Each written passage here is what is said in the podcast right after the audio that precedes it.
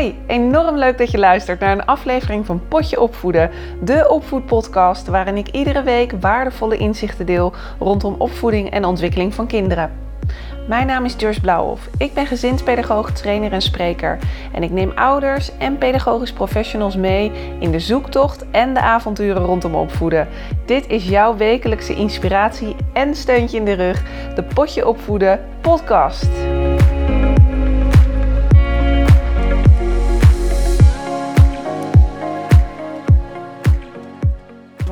Hij loopt. Test, test, test. Test, test, test. Test, test, test. Dat klinkt goed. Dat klinkt heel goed. Een hele goede morgen, goedemiddag, goedenavond. Het is natuurlijk maar net wanneer je de podcast luistert. Ik heet je van harte welkom bij aflevering 28. En ik moet je meteen vertellen dat dit de laatste aflevering is van seizoen 3 van Potje Opvoeden. Ja, ja, ik hoop ontzettend dat je dit seizoen hebt genoten. En wel een uitsmijter, vind ik, deze aflevering. Ik heb een gesprek met Leonie Koppens. Zij is klinisch psycholoog, auteur en expert op het gebied van chronische trauma bij kinderen. En ik heb met haar enige tijd geleden een waardevol gesprek gevoerd en ja, we hebben dat voor jou opgenomen. Dus uiteraard wens ik jou ontzettend veel luisterplezier, veel inspiratie ook toegewenst en ik hoop dat je er een aantal inzichten uit kan halen voor het belangrijke werk dat jij doet in de kinderopvang. En dit is natuurlijk een podcast die ook geluisterd wordt door docenten in het onderwijs, mensen die werken met kinderen, hulpverlening ook bieden, maar ook moeders, vaders, opa's, oma's. Nou, ik hoop dat jullie uh, genieten van deze podcast. En wie weet komt er een seizoen 4. We zullen zien. Houd hiervoor mijn website in de gaten, jblauwhof.nl slash podcast. En daar heb je ook overzichtelijk alle afleveringen op een rij. Dit is aflevering 28. Dus als je nog niet de podcast hebt geluisterd, dan heb je nog wat uurtjes luisterplezier te gaan, zeg ik dan. Deze aflevering wordt gemaakt in samenwerking met Kinderopvang Totaal. Nou, ik heb Leonie Koppens hier in de uitzending. Zij is klinisch psycholoog en gespecialiseerd in diagnostiek en behandeling van de vroegkinderlijke traumatisering. En ze heeft een training ontwikkeld voor traumasensitief onderwijs. Ze is tevens schrijver van het boek dat in 2016 verscheen, Lesgeven aan getraumatiseerde kinderen. En ik ben ontzettend blij dat ze hier is om ons wat te vertellen over trauma en wat er gebeurt in die jonge jaren. Wat ontzettend natuurlijk belangrijk is voor de ontwikkeling van het kind. Leonie, bedankt Ja, dat je hier bent. nou, Eh, dankjewel voor de uitnodiging. Laten we maar gewoon met de eerste vraag beginnen. Ja. Zou je eens eh, willen uitleggen aan de luisteraar, wat is trauma? Ja, nou, het woord trauma, ik denk dat de meeste mensen het wel kennen en een idee hebben wat ermee bedoeld wordt. Maar trauma is van oorsprong een woord uit de medische wereld, hè, betekent verwonding. Als we het hebben in de psychologie over trauma, dan wordt er ook wel eens gesproken van psychotrauma. En dan bedoelen we eigenlijk meer een emotionele wond. Hè. En wat belangrijk is, is dat het woord trauma wordt soms gebruikt voor een gebeurtenis. En het wordt soms ook gebruikt voor de gevolgen van die gebeurtenis. Dus het is best ja, lastig om, om goed te bepalen wat ermee bedoeld wordt. Maar wat belangrijk is, is dat niet alle ingrijpende gebeurtenissen ook traumatisch zijn. Mhm. Ik denk dat we daar later ook nog wel op terugkomen. Zeker. Maar Ja. je zou het dus het beste kunnen zien als een, eh, ja, een emotionele verwonding. Hè? Dus dat er, dat er iets is gebeurd waar heel veel stress bij is komen kijken. En ja, als je niet voldoende steun of mogelijkheden hebt om die stress goed te verwerken, hè, of, of dat het incident zo eh, heftig is dat het moeilijk is om dat goed te verwerken, en je houdt er nog klachten van, dan spreken we over traumaklachten, over trauma. Oké, ja. En als je het dan hebt over traumaklachten, hoe uitzicht dat bij kinderen? Wat zijn signalen die kinderen mogelijk kunnen uitzenden? Nou, belangrijk is om te snappen is dat het zo heel uiteenlopend is hoe het eruit kan zien. Bij ADHD of bij eh, andere zeg maar, aandoeningen kun je zeggen van nou, dit zijn echt symptomen en, eh, dan, en dan kun je daarop gaan letten. Is het goed om te weten dat kinderen na traumatische ervaring, hè, die ze niet goed hebben kunnen verwerken, echt hele uiteenlopende gedragingen kunnen hebben die daarmee te maken kunnen hebben. En wat natuurlijk wel kernsymptomen zijn, is bijvoorbeeld dat ze er steeds weer aan moeten denken. Of dat ze steeds weer het gevoel hebben dat het opnieuw gebeurt. Hè, wat je kent van de posttraumatische stressstoornis. Hè, dus een herbeleving of een flashback. Het kan ook zijn dat kinderen er steeds, uh, als ze er steeds aan denken, ook steeds over willen praten. Het kan ook zijn dat ze juist helemaal niet over willen praten en allerlei dingen proberen te doen om er maar niet aan te hoeven denken. Ja. dus je ziet dat kinderen dan dingen gaan vermijden, omdat ze weten van nou als ik daar kom, of als ik die zie, of als ik dat doe, of als ik dat ruik, dan hè, moet ik er weer aan denken. Dus dat ga ik voorkomen. Dus je ziet dat kinderen zich dan steeds meer terug kunnen trekken om te voorkomen dat ze eraan moeten denken. Ze kunnen vervolgens ook ergens helemaal induiken. Hè? Als jij maar alsmaar met een, een spelletje bezig bent of ergens hè, eh, eh, je aandacht op kunt richten, dan kan dat helpen om niet steeds last te hebben van die herbeleving of die gedachten die je nog hebt over wat er is gebeurd.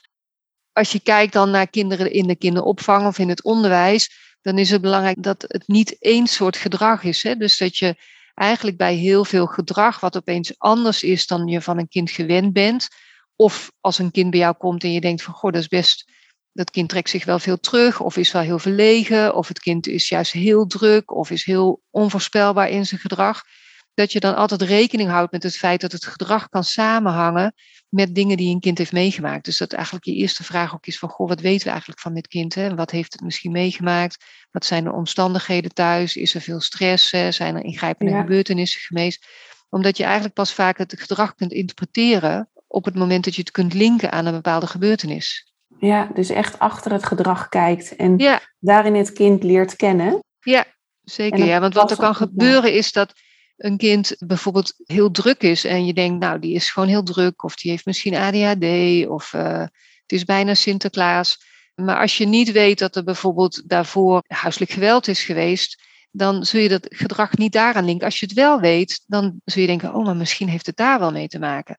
En hetzelfde voor heel erg terugtrekken of heel erg aan een begeleidster hangen of een begeleider hangen. Ja, dat kan natuurlijk zijn dat je denkt, nou, die is gewoon heel erg aan mij gehecht. Maar het kan ook betekenen dat hij gewoon ontzettend bang is om zonder een eh, volwassene te zijn, omdat hij dan bang is dat er weer iets heftigs gebeurt of dat hij dan niet om kan gaan met de heftige emoties die hij heeft.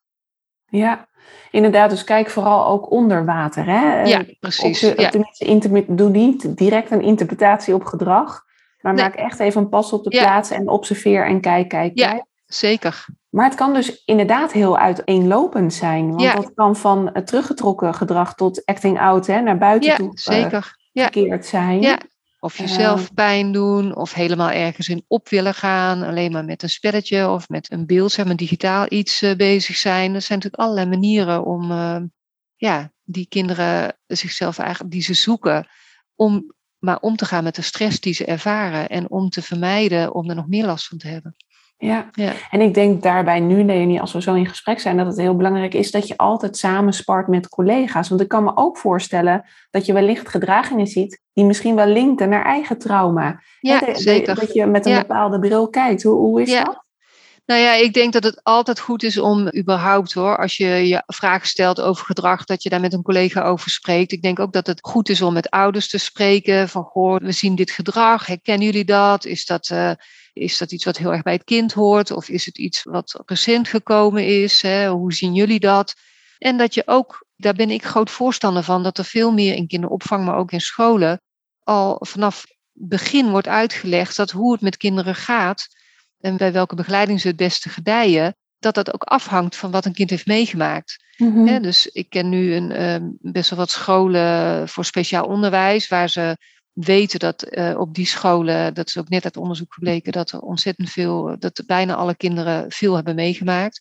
Dus die realiseren zich ook meer van, goh, dan moeten we eigenlijk ook ja, vanaf het begin op de agenda hebben staan, uitdragen ook aan ouders. Hè, van, goh, we weten dat het zo is, we weten dat hè, als kinderen veel meemaken, dat het van invloed is op hoe het met ze gaat. Hè, hoe het op school met ze gaat, hoe het gaat in de omgang met anderen, in de omgang met de, met de meester of de juf. En om die reden willen we ook altijd hè, wat meer weten. Willen we gewoon met ouders in gesprek. Want het helpt ons om de juiste begeleiding te bieden. Hè, om kinderen de beste kans te geven. Dus als je dat communiceert vanaf het begin eh, naar ouders, dan is het ook makkelijker om met ouders in gesprek te gaan over hoe gaan de dingen thuis. Is er, hè, is er eh, onrust of is er stress? Is er iets aan de hand? Want als je dat gaat doen en je hebt daar van tevoren nooit met elkaar over gesproken, dan is het veel lastiger. Hè? Dan zijn begeleiders en leerkrachten vaak veel angstiger. Dat het iets uh, kapot maakt in de relatie, of dat ouders daar heel erg van schrikken, of dat ze agressief zullen reageren of boos zullen worden. Terwijl als je het alsmaar gewoon uitdraagt van nou, zo is het gewoon. We weten dat dat speelt. We weten ook dat het ons helpt om het gedrag van kinderen beter te begrijpen. Dus ja, aan ouders de uitnodiging om daar open over te zijn. En aan ons ook ja, de taak om daar met ouders over in gesprek en met kinderen over in gesprek te blijven. Ja. Ja, als ik kijk naar de kinderopvang, ik heb zelf als locatiemanager gewerkt en ik voerde dan intakegesprekken met ouders. Dat deden ook collega's die op de groep werkten. Maar ik zit nu te denken, je zou bijna in je intake ook een Ja. soort van vraag opnemen. Om Ja. te zeggen, joh, heeft het kind trauma meegemaakt? Maar Ja. wel even inleiden met, hè, we zijn er juist ontzettend op bedacht dat als kinderen veel dingen meemaken, zoals jij zegt, dat het effect kan hebben op de ontwikkeling. zeker. Want soms is het ook beter om dat woord trauma niet te gebruiken. Of je moet het heel goed uitleggen. Maar het woord trauma, dan gaan er vaak toch alarmbellen af. En vaak hebben ouders ook het idee van nee, nee, er is niks traumatisch. eh, Want ze denken, ja, dan, is, dan gaat het over seksueel misbruik of een ernstig auto-ongeluk of een ziekenhuisopname. En ik denk dat de chronische stress en ingrijpende gebeurtenissen, of stress en ingrijpende gebeurtenissen, vaak woorden zijn die beter opgepakt worden en, en begrepen worden. Het is voor ouders vaak ook, overigens voor kinderen ook, maar voor ouders vaak ook veel makkelijker om heel specifiek een lijstje te geven. Hè, van goh, is, is er wel eens zoiets, speelt er zoiets in het gezin of heeft een, uw kind zoiets wel eens meegemaakt? Omdat ze dan denken van, oh ja, maar dat hebben we wel gehad of dat is ook wel gebeurd. En soms hebben ze zelf niet de connotatie dat het Nee. eh, stressvol is of dat het van invloed is op het kind. Dat weten ze gewoon heel vaak niet. En dat zou zo is- mooi zijn, hè? want ik denk juist die kinderopvang, die is betrokken bij al die, die jonge kinderen, hè? bij jonge Ja. ouders ook. Je ziet dat veel ouders hun pedagogisch medewerker of hun gastouder nanny ook echt als iemand zien van daar kan ik bij eh, terecht, hè? die Ja. kent mijn kind goed. Ja. Het zou natuurlijk ontzettend fijn zijn als je die warme band kan creëren en kan kijken van hé, hey, die openheid er ook is uiteindelijk, hè? Om, om zeker. samen te zorgen voor het kind. En ik denk dat dat begint ook al dat je op je site van de kinderopvang, in de contacten die of in de communicatie die je hebt, in welke vorm dan ook, daar iets over zegt. Van goh, we weten dat het helpt om te weten hoe kinderen opgroeien, wat ze meemaken, hè, wat hun veerkracht is, wat mogelijke ja, invloed is van, van stress of van ingrijpende gebeurtenissen of eh, Ja. verlieservaringen. En als je dat op die manier doet, dan, dan zijn de meeste ouders heel blij. Ik, eh, vanochtend las ik nog iets terug van een, een school eh, die nu net een inspectiebezoek hebben gehad. En de inspectie praat dan ook met ouders. En, en daar kwam in dat verslag van de inspectie terug dat ouders aangeven: ik wou dat ik zo'n school had gehad als kind. Ik denk ook dat veel ouders dat vinden, maar je moet een manier vinden. Ze moeten begrijpen waarom je het wil weten. En je moet een goede manier vinden om daarover in gesprek te gaan.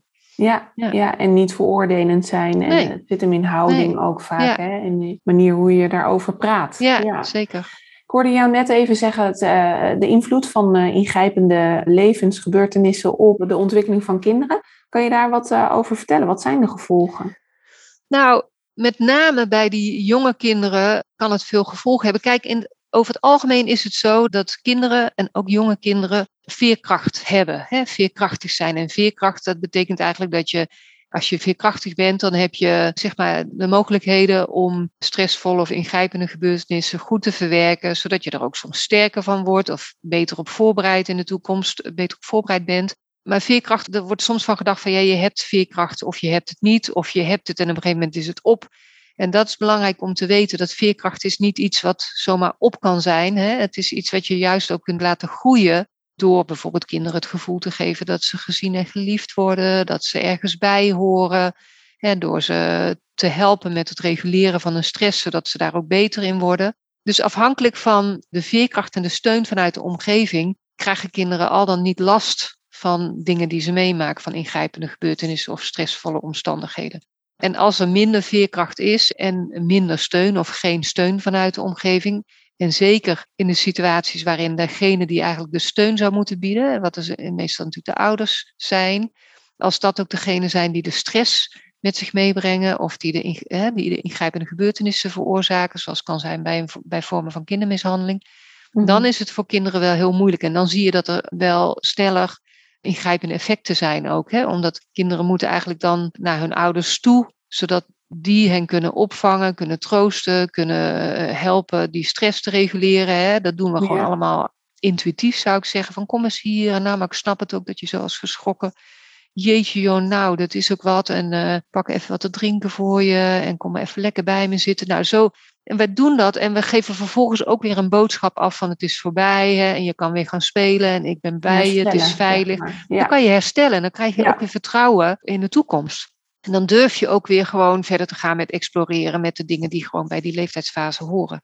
Maar op het moment dat dat niet kan, hè, dus dat er geen steun vanuit de omgeving is, of dat nog sterker uh, of erger dan uh, als juist degene die die steun zou, zouden moeten geven, de stress veroorzaken, ja, dan zie je dat kinderen met een verhoogd stressniveau blijven zitten. En dat verhoogde stressniveau, zeker als dat lang duurt en er echt geen steun is, dan heeft dat echt effecten, negatieve effecten op de hersenen. En zeker bij jonge kinderen zijn die Ja. hersenen nog volop in ontwikkeling. Dan betekent dat, wat in de kinderopvang denk ik inmiddels ook wel een wat bekender begrip is, die executieve functies. Hè, dus zeg maar de vaardigheden die je nodig hebt om jezelf een beetje aan te sturen, bij te sturen. Eh, nou, het zijn vaardigheden die je voor veel dingen nodig hebt om goed samen te spelen, om ergens mee te kunnen stoppen op een goede manier. Die ontwikkelen zich in de prefrontale cortex, dat wil zeggen het deel wat helemaal bovenaan in je brein zit aan de voorkant. En daar heb je veel ervaring voor nodig, zeg maar veel oefening voor nodig om dat te kunnen ontwikkelen. Hersenen Ja. ontwikkelen zich sowieso op basis van ervaringen.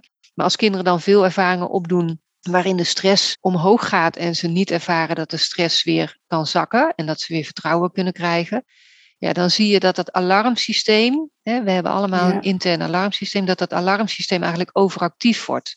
En wat je dan vaak merkt, is dat kinderen snel schrikken, snel overstuur zijn. Hè? Dus eh, als je nog teruggrijpt waar, je het net, waar we het net over hadden, over die, hè, wat je dan ziet, dan kan je ook zien dat kinderen bijvoorbeeld snel schrikken, snel gillen, snel huilen, moeilijker eh, te troosten zijn, langer ergens in blijven hangen, slechter in slaap vallen, onrustig slapen, sneller wakker worden. Ja, dus dan zie je van dat soort dingen. En het effect op die in ontwikkelingen zijnde hersenen is dan ook dat kinderen eigenlijk steeds als die stressvolle gebeurtenissen door blijven gaan en er is een gebrek aan steun, dan zie je dat het alarmsysteem eigenlijk steeds sneller ontregelt. Dat steeds meer dingen die voor andere kinderen neutraal of een prettige associatie hebben, dat het dan voor kinderen die bijvoorbeeld veel getuige zijn van huiselijk geweld, een negatieve associatie heeft, hè, dat dat triggers worden. Dat de aanwezigheid van een volwassene ja, dat moet natuurlijk eigenlijk voor de meeste kinderen een gevoel van veiligheid en rust geven. Maar als je gezien hebt dat volwassenen dat die geweld gebruiken naar elkaar, of als volwassenen ook geweld hebben gebruikt aan jou, of jouw grenzen op een andere manier hebben overschreden, hè, door seksueel misbruik, of door niet goed voor jou te zorgen continu, ja, dan is die volwassene, ni- die- dat wordt eigenlijk een trigger. Dus dan zie je dat kinderen heel erg snel overstuur kunnen raken van een volwassene. En dan zie je het eigenlijk een beetje terug ook in wat jullie ook, ja, wat de meeste mensen wel kennen vanuit de gehechtheid. Dan zie je natuurlijk verschillende patronen ontstaan in die eh, gehechtheid, in die onveilige, dan krijg je dus een onveilige gehechtheid. Ja. En dat, eh, ik, ik geef zelf ook de training eh, aanpakken kindermishandeling. En daarin is bekend, hè, het proces is natuurlijk omkeerbaar op het moment dat het kind weer een voorspelbare volwassene heeft, hè, er weer eh, steun wordt ervaren. Maar je ziet toch in die jonge jaren dat het effect heeft op het brein. Hè? Want te veel stress geeft cortisol af en cortisol Ja. heeft dan weer effect toch op de Ja, hoeveelheid heeft ook de, ja, niet alleen dat, maar ook op de gezondheid. Hè? Dus op dat langere Ja. termijn zie je ook dat ja, eigenlijk systemen in het lijf die ervoor moeten zorgen dat je gezond blijft. Hè? Dus die je bloeddruk reguleren, maar die ook je hormoonhuishouding reguleren. Als dat anders eh, gaat functioneren, doordat er bijvoorbeeld te veel stresshormonen afgegeven of cortisol wat wordt afgegeven op het moment dat er langere tijd hoog stress blijft. Mhm. Dan heeft dat een negatief effect op die systemen. Dus dan krijg je daar ook gezondheidsproblemen door. Hè, En dat Ja. zien we natuurlijk ook op de lange termijn vaak. Dat volwassenen die als kind chronisch getraumatiseerd zijn of chronische stress hebben ervaren, dat die van allerlei fysieke, somatische problemen hebben. Ja, dat is eigenlijk bijna over de hele breedte van wat je aan aandoeningen kunt hebben. Ja, en het is Ja. inderdaad ontzettend pittig om dan nog het een soort van om te om te Zeker, ja. Dus wat dat betreft is het uh, super belangrijk dat je nu dat jij in deze podcast aandacht besteedt aan hoe hè, wat, wat kan dat stress en trauma bij jonge kinderen en, en met welke gevolgen en hoe kunnen we kinderen helpen om daar minder last van te hebben. Want dan kan je natuurlijk voorkomen dat het zover komt dat die gevolgen op de lange termijn er komen. Ja, want er zijn inderdaad twee dingen. Enerzijds heb je bij het jonge kind die sensitieve periode van het brein, eh, Ja. die, die, dat, hè, die kwetsbare Ja. tijd. Daarnaast, eh, als ik kijk naar pedagogische professionals, kunnen zij echt de stem zijn voor een kind. Hè? Ja, het kind zeker. kan vaak nog geen eens, heeft nog niet eens de tools om voor zichzelf op te komen. En ik denk ook dat het voor professionals belangrijk is om te weten dat zij ook echt een buffer kunnen zijn Ja, voor zeker. toch? Ja. Nou, dat is heel belangrijk dat je dat zegt. Want wat we weten uit onderzoek is dat met name snelle steun na een ingrijpende gebeurtenis, maar ook als stress aanhoudt, is die steun het allerbelangrijkste. En eh, ouders kunnen natuurlijk steunen, maar kinderen zijn vaak ook veel tijd bij eh, de kinderopvang of eh, als ze wat ouder Ja. zijn op school. Nou, je hebt natuurlijk ook naschoolse kinderopvang. En dan de relatie die de begeleiders in de kinderopvang aangaan met kinderen, die kunnen echt een wereld van verschil maken. Hè? Als kinderen zich thuis onvoldoende beschermd en gezien voelen en gesteund voelen, maar op school of op de kinderopvang is er wel, uh, wordt wel gezien hoe het met een kind gaat en krijgt een kind de steun die het nodig heeft. En dat gaat niet alleen altijd over, want dat denken mensen soms dat je dan een soort traumatherapeut moet zijn, maar dat gaat niet daarom. Nee. kinderen kunnen ook gesteund voelen als je met ze speelt en je hebt plezier met ze. Uh, dat is ook hele belangrijke steun. Hè? En, je, en je komt terug op dingen die je eerder hebt gedaan, zodat ze weten dat jij in hun hoofd bent gebleven, dat je belangrijk voor ze bent. Dat zijn allerlei ervaringen waarin ja. kinderen zich gesteund kunnen voelen. En die echt die veerkracht vergroten, waardoor er ja, meer tegenwicht is tegen de stress die ze misschien thuis of uh, in de buurt of andere omstandigheden ja. ervaren in dat opzicht, pedagogische professionals zijn zo belangrijk. Wij volwassenen ja. zijn zo ja. ontzettend belangrijk uh, ja. voor kinderen. Ik ben ontzettend blij dat er toen ook noodopvang was hè, in de hele uh, coronapandemie. En Zeker. ik heb zelf ook verhalen gehoord waar professionals echt ouders hebben opgebeld van laat je kind komen. Omdat ze ook al wisten, dat dit kind komt uit een kwetsbare situatie. Ik denk dan, dan doe je echt je werk goed. Want veel kinderen ervaren eigenlijk sinds de uitbraak van de coronavirus extra stress. Dat zal mogelijk ook nog wel een tijdje duren. En meesten weten dat wel goed te hanteren hè, met steun uit de omgeving. Maar hoe kunnen pedagogisch professionals op het kinderdagverblijf, in de gastouderopvang of op de BSO een veilige omgeving creëren voor kinderen? Wat is dan ja, van belang? Ik denk dat sowieso van belang is dat ze goed kijken naar hoe een kind erbij zit. Hè? En of kinderen, als ze toch het gevoel hebben dat, of het idee hebben dat kinderen ja, gebukt gaan onder stress, dat ze een kind ook extra aandacht geven. En extra aandacht in de zin van soms benoemen hè, van joh, ik zie dat je, je ziet er een beetje verdrietig uit. Of ik, hè, ik zie dat je met je moe bent. Kan ik je ergens mee helpen? Dat je je openstelt. Hè? Dat kinderen ook voelen van oh ja, ik, ik mag die gevoelens hier hebben. En ik mag hier ook iets over zeggen. Of ik mag het hier laten zien.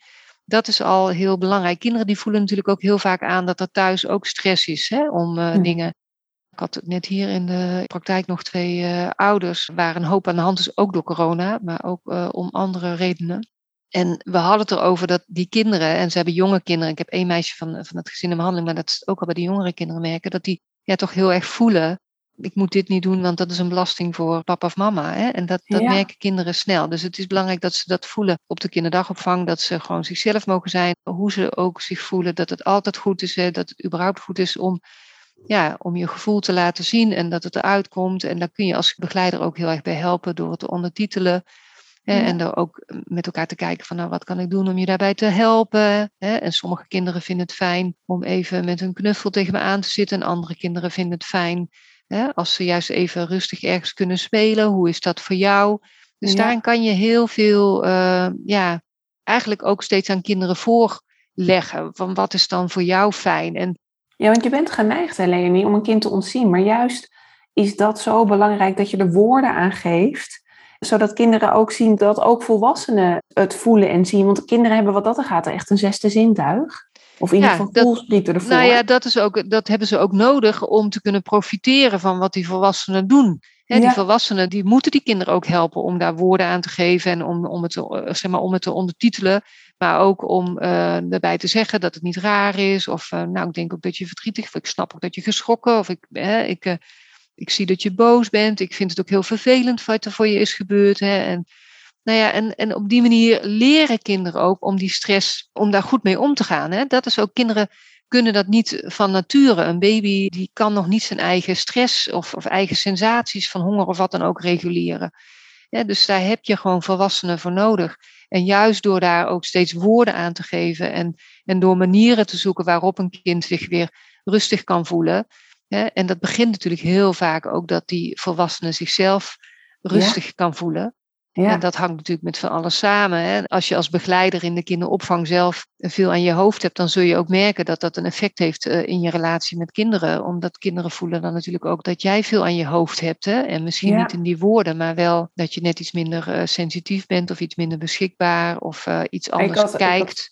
Ja, ik had zelf gisteren zo'n moment waarin ik merkte dat ik wat gestrest was. Omdat ja. ik de deur uit moest. En mijn zoontje Tijn van 2,5, die uh, nam ik een soort van mee. En toen zei ik, oh, ik zeg sorry, ja, mama is een beetje druk. Maar dat komt omdat ik om negen uur daar moet zijn. Ja. Uh, dus En door er woorden aan te geven, Ja. merkte je wel dat hij wat meer ontspannen was. Ja, Dus precies, ja. Juist ook als je stress ervaart op de groep, eh, dat je daar ook gewoon... eh, Nou, dat zeker. Hè? En, en dat je ook kunt zeggen van, nou, ik was er ook heel erg van geschrokken. En, en, eh, toen ik zo schrok, deed ik, hè, riep ik misschien hard. En ik, snap dat jij daarvan geschrokken bent. Hè? En nou, dat je ook een, daarmee ben je ook een goed voorbeeld. Hè? Van, wij kunnen allemaal dingen doen vanuit een bepaalde emotie. Maar we kunnen er ook op terugkomen. En het is ook niet gek dat je heel erg schrikt en dan iets doet. Hè? Maar dat kan ook weer overgaan. En je kan Ja. ook weer rustig gaan voelen. En je kan er ook over praten. Dus dat, dat dat je dat ook vooral laat zien, hè? Ja, dat je kan herstellen. Ja, Eh, zeker. Ik Dus ik denk dat dat eh, belangrijk is. En ik denk voor het gevoel van veiligheid, wat natuurlijk ook belangrijk is, is dat je kinderen voorbereidt op veranderingen. Dat je, ja, dat je zeker in tijden dat er veel onrust is, hè, zoals eh, wisselingen door corona. Of, en, en dan zijn er vaker begeleiders niet, want die moeten weer in quarantaine. Of, dat kennen we natuurlijk Ja. allemaal. Dus er zijn, er zijn vaker wisselingen. Dat je dan ook nog wat meer bewust bent van oké, we willen die voorspelbaarheid wel zo groot mogelijk houden. Dus en wat ook kan helpen is dat je kinderen daarbij een gevoel van controle geeft. Hè? Het is vandaag wat anders, maar we gaan dit en dit doen. En wat vind je fijner? Eh, wil je eerst dit en dan dat? Of wil je eerst dat en dan dit?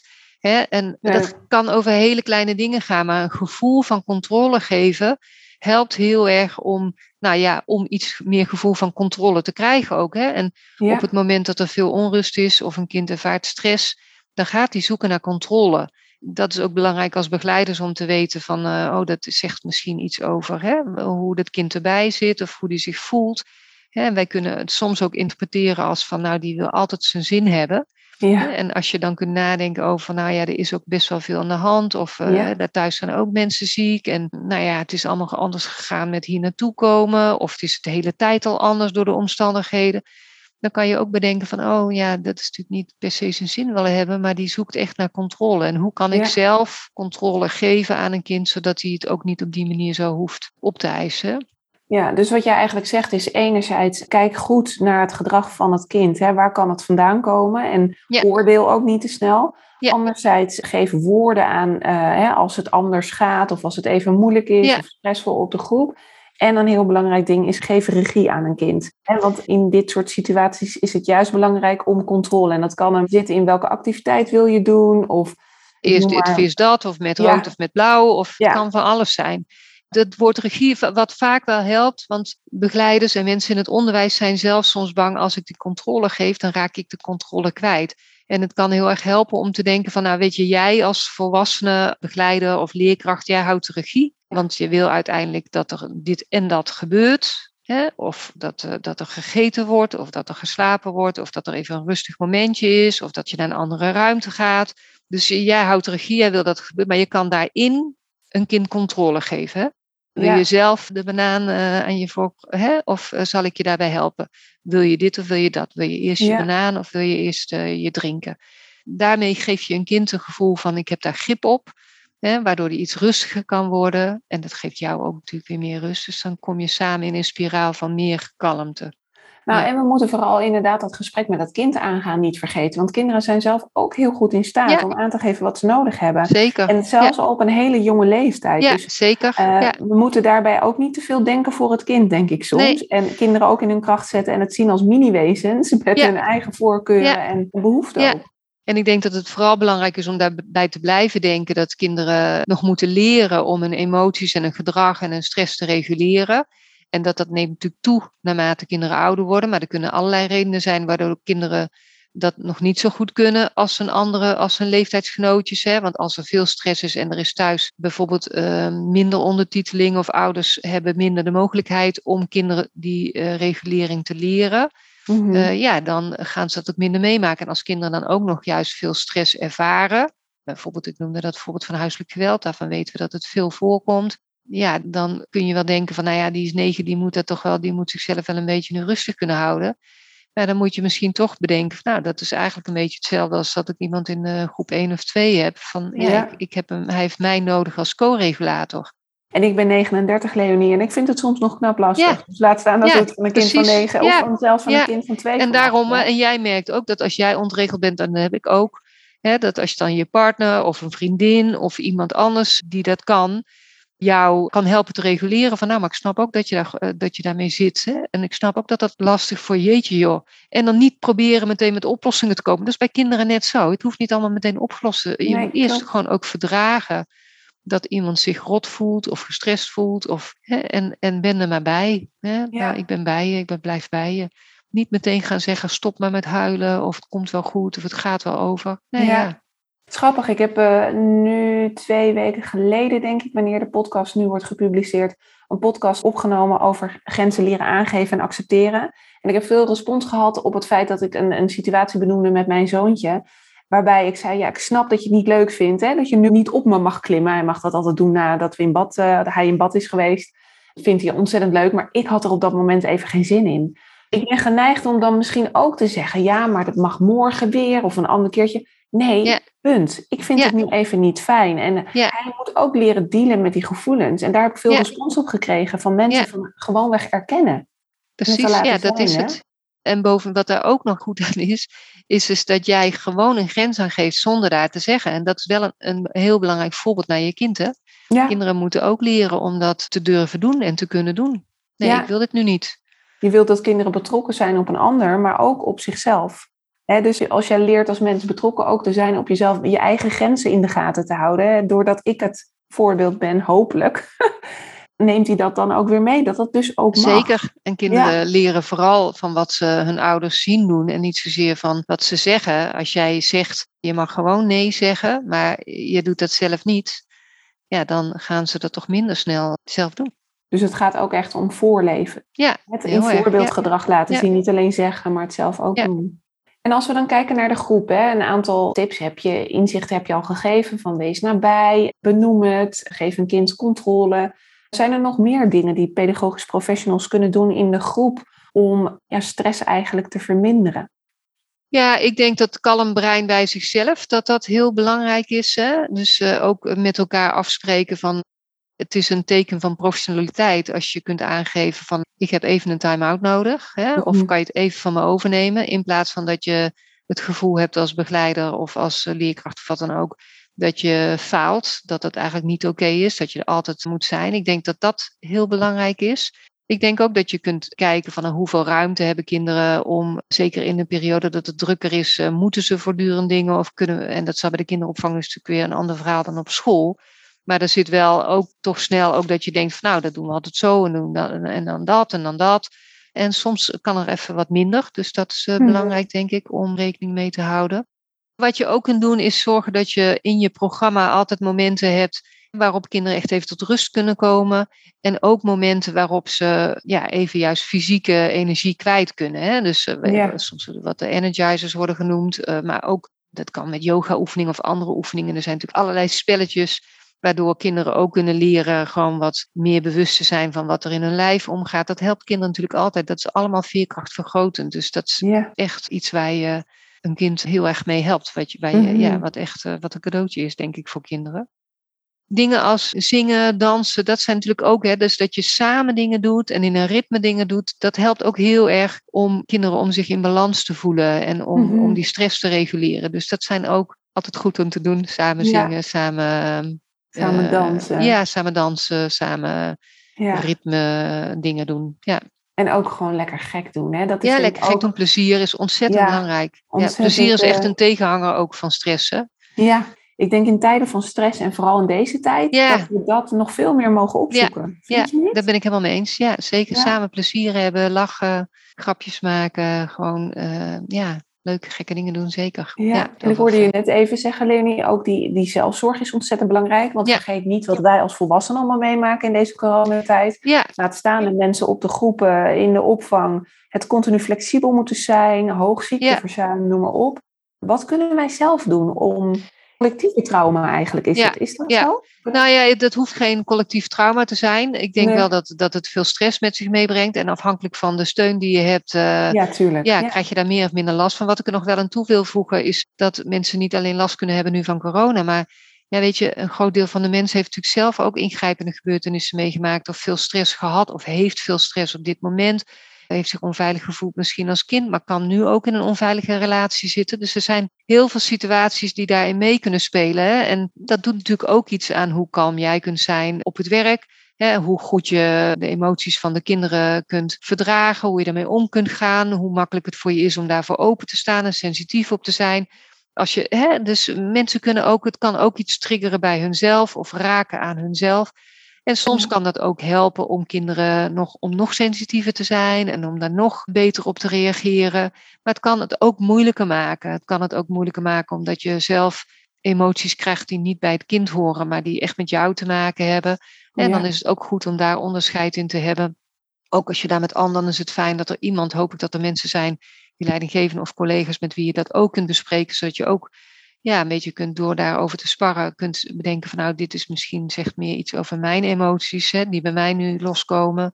Uh, dan die van het kind, dan, dat, dat is natuurlijk belangrijk. Maar ik denk zeker dat dit zo belangrijk is, want je zet jezelf in als instrument om kinderen natuurlijk verder te brengen. Ik, ik ben mezelf uh, vroeger gepest geweest, heb daar ook wel uh, mijn gesprekken in gehad en noem maar op.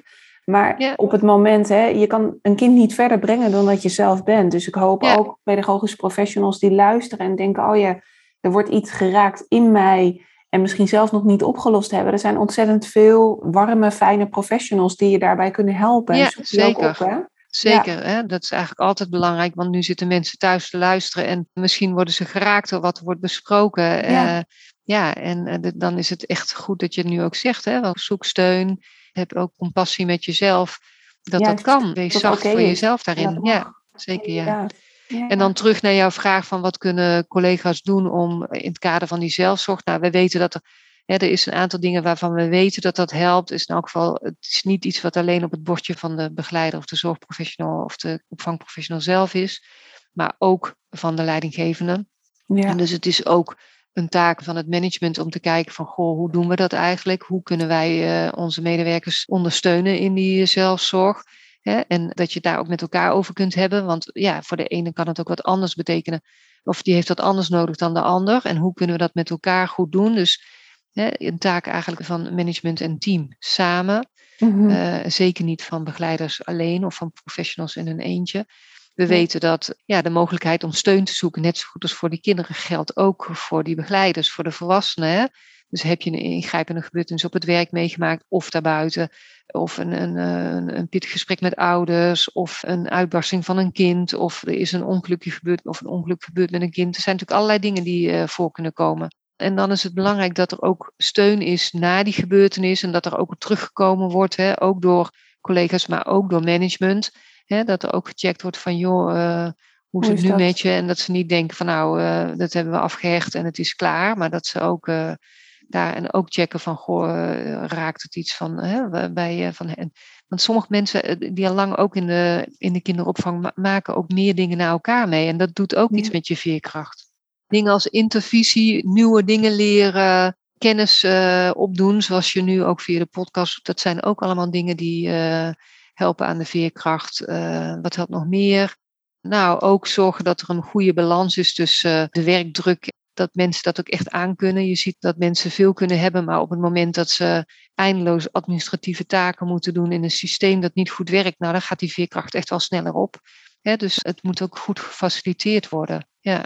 ja dus ja, dat zijn, en ook steun buiten je werk, hè, zodat je ook uh, ja, mensen, vrienden, vriendinnen, een partner, broers, zussen, waar je ook uh, je ei bij kwijt kunt.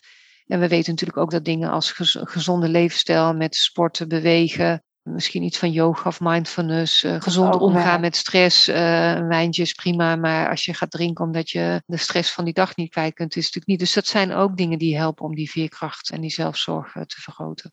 Mooi.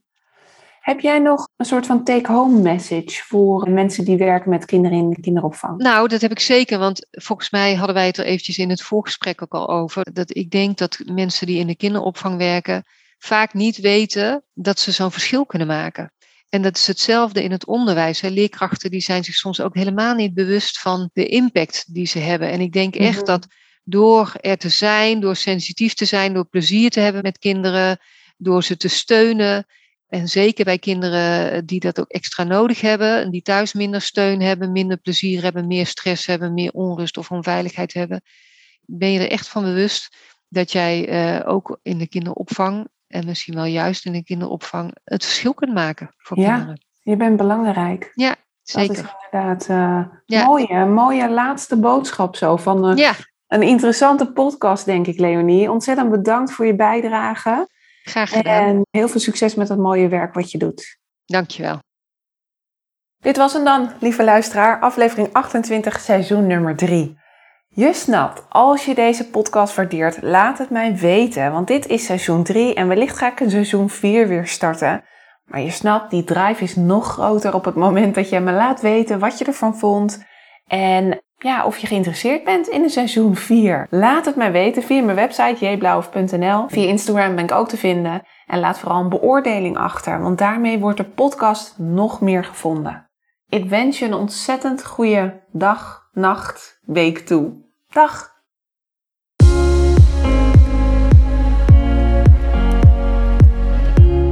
Hey, wat ontzettend leuk dat je hebt geluisterd. Bedankt daarvoor. Nog een paar dingen die ik graag met je wil delen. Wil je alle afleveringen overzichtelijk onder elkaar? Abonneer je dan op deze podcast. Klik in jouw podcast-app op de button subscribe of abonneren en je ontvangt dan automatisch een berichtje als er een nieuwe aflevering online komt. Mijn missie is om zoveel mogelijk ouders en pedagogisch professionals te helpen bij het opvoeden van kinderen. En om mijn missie te bereiken, helpt het als jij een review wilt achterlaten via de app waarmee je deze podcast luistert. Ken je nou iemand voor wie deze aflevering interessant is? Dan zou het fijn zijn als je hem of haar deze aflevering doorstuurt, door bijvoorbeeld de link te kopiëren in Spotify. Ik zou het ook gaaf vinden als je een screenshot deelt als je deze podcast luistert en deelt via social media.